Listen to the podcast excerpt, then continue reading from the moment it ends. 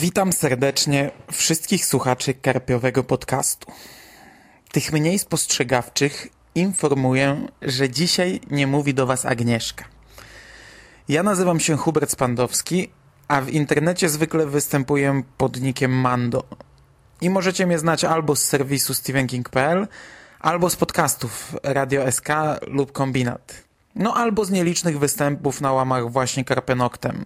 Bo tak po prawdzie choć sam nigdy nie czułem się częścią tego konkretnego serwisu, to od zawsze byłem gdzieś obok Karpenoktem. Mm, I cała społeczność internetowa, jaka utworzyła się wokół tego serwisu, od początku swego istnienia była też społecznością StephenKing.pl i te dwie grupy od zawsze się mieszają. Oczywiste było więc, że gdy tylko Karpe wystartuje kiedyś ze swoim podcastem, do czego ja mocno namawiałem, to wesprę go swym mikrofonem, kiedy tylko będzie taka potrzeba. Choć jednocześnie muszę zaznaczyć, że trochę wzbraniałem się przed nagraniem tego odcinka. Karpiowy podcast poszedł póki co w podobnym kierunku jak początkowo moje radio Stephen King, czyli mamy jednego, w tym przypadku dużo bardziej charakterystycznego prowadzącego, prowadzącą w zasadzie i konkretne odcinki, bez zbędnego pitolenia, bez większych dyskusji. Moim zdaniem Agnieszka już po tych kilku odcinkach wyrobiła sobie swoją markę. I ja wchodząc z buciorami w ten podcast czuję się jakbym trochę niepotrzebnie ten schemat zaburzał. Szczególnie, że od pół roku nagrywam podobne niekingowe podcasty dla kombinatu. Agnieszka jednak ma wizję, by Karpiowy Podcast miał kilku prowadzących i ja to rozumiem, bo wiem czym jest narzucanie tylko na siebie systematycznego, cyklicznego podcastu. Co zresztą już naszej prowadzącej odradzałem, o ile chce mieć resztki życia prywatnego. Dlatego z przyjemnością zgodziłem się nagrać odcinek do Karpiowego, by pokazać reszcie redakcji, tak, tak, panowie, do was mówię w tym momencie, że teraz już nie mają wyjścia i muszą złapać za mikrofony, no bo jak to będzie wyglądać tak sama Agnieszka i gdzieś tam ja taki rodzynek. I to tyle w ramach wstępu. Dzisiaj natomiast chciałbym pogadać trochę o najnowszej na naszym rynku książce autora, który od kilku lat zajmuje bardzo wysokie miejsce w moim rankingu i każda jego kolejna książka ma pierwszeństwo w kolejce, gdy tylko pojawia się na sklepowych półkach. A mówię tutaj o Jacku Ketchamie i powieści Potomstwo, która ukazała się w sprzedaży w marcu za sprawą wydawnictwa Replika, które bombarduje nas w ostatnim czasie falą horrorów, e, rozpieszczając miłośników tego gatunku. Potomstwo jest środkową częścią swego rodzaju trylogii kanibalistycznej Jacka Ketchama. Nie jest to jednak zaplanowany cykl, a seria sequeli, obecnie rzadka w tego typu literaturze, ale dawniej dość często spotykana, choć może na nieco niższym szczeblu. Pierwsza powieść, czyli Poza sezonem, została wydana już kilka lat temu przez wydawnictwo Papierowy Księżyc. I chwali się replice, że wspomina o tej książce na okładce Potomstwa, choć przecież nie jest to tytuł z ich stajni. Osobiście uważam, że przyszły czytelnik e, powinien być nieco bardziej uświadomiony, bo choć Potomstwo funkcjonuje jako samodzielna książka i znajomość pierwszej części nie jest tu w ogóle wymagana, to jednak czytając w nieodpowiedniej kolejności dostaniemy garść bardzo mocnych spoilerów z bardzo dobrej i zaskakującej końcówki poza sezonem. Jednak tak naprawdę replika mogła w ogóle nie wspominać o pierwszej książce i też nikt by nie mógł im mieć tego za złe, więc chwali się, że choć o niej napomknęli. Niestety nie da się omawiać tej książki bez porównań do wcześniejszego dorobku pisarza, a dodatkowo, że jest to sequel, no to siłą rzeczy będę tutaj bardzo mocno naciskał na pierwowzór. I już na wstępie chciałbym bardzo mocno podkreślić, że będzie to recenzja pozytywna. Jednak będę miał też sporo ale. Ponoć wszystko to, co jest powiedziane przed ale, jest nieważne. Jednak ja naprawdę pozytywnie oceniam ten tytuł, choć jednocześnie zgadzam się, że jest to póki co najsłabszy ketchum na naszym rynku. Pierwsze zastrzeżenie mam do wydawcy i formy, w jakiej podali mi tę książkę. Ogromny plus należy się za świetną, mocną, szokującą i bardzo odważną okładkę.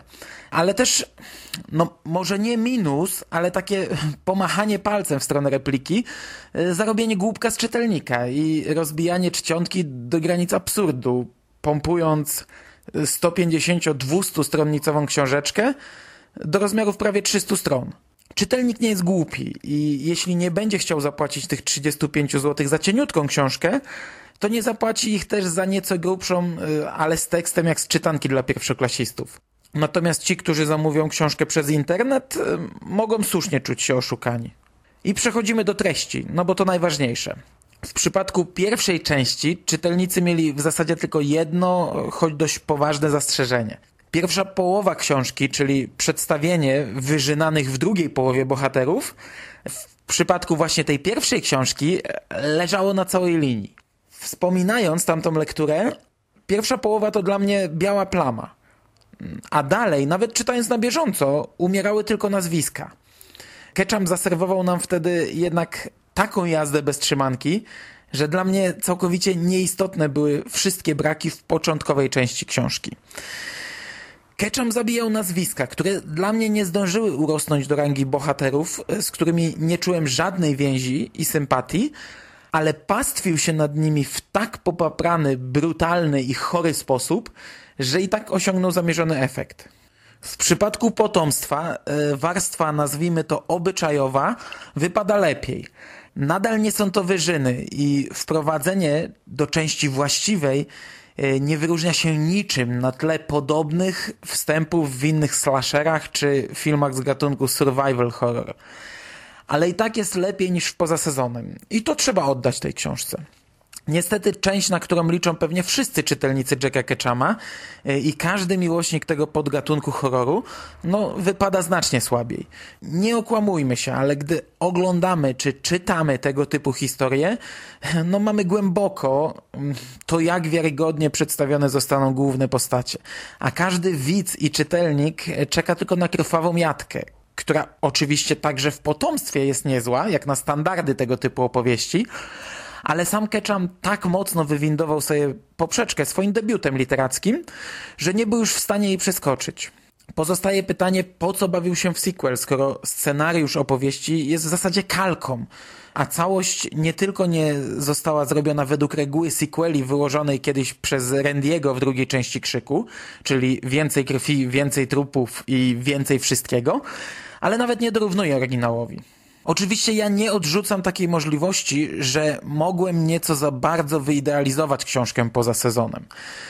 Ketchum poruszał się tam na polu, który przez kolejne 30 lat został całkowicie wyeksploatowany przez przemysł filmowy i oczywiście on zdeklasował większość swoich następców tworzących w tym podgatunku, ale też dopuszczam taką myśl, że gdybym teraz jeszcze raz przeczytał poza sezonem, to za drugim razem by już na mnie tak nie podziałało. A co za tym idzie, możliwe, ale tylko możliwe, że wcale nie jest to tak świetna książka, jak ją zapamiętałem i potomstwo może wcale nie wypadać tak blado na jej tle. Mm, ale też trzeba pamiętać, że potomstwo jest sequelem i autor decydując się na jego stworzenie, musiał liczyć się z tym, że książka zmierzy się z pierwowzorem, który po premierze wywołał szok. Ketchum musiał liczyć się, że mierzy się z jakąś tam drobną legendą – mierzy się też sam ze sobą i tworząc słabszą kalkę pierwszej książki, e, nawet jeśli ona wiele nie ustępuje pierwowzorowi, autor zwyczajnie poległ. Poza sezonem to horror, który pokazał wszystkim następcom, gdzie jest ich miejsce. Potomstwo to po prostu świetny survival horror, nie wyróżniający się niczym wśród innych wielu survival horrorów. Spotkałem się też z taką opinią, że poza sezonem w wersji tej, którą miał okazję poznać polski czytelnik, jest książką poprawioną, mocniejszą niż oryginalne wydanie i przez to jest też mocniejsza niż potomstwo. Co oczywiście jest bzdurą, bo pierwsza wersja poza sezonem została silnie okrojona przez cenzurę, a to, co mógł przeczytać polski czytelnik, jest i owszem drugą, teoretycznie rozszerzoną wersją, ale praktycznie jest to wersja pierwotna, taka jak oryginalnie stworzył ją Ketchum. No, po czym stanął przed wyborem ulec wydawcy okroić i opublikować, albo zostawić w niezmienionym stanie i schować do szuflady.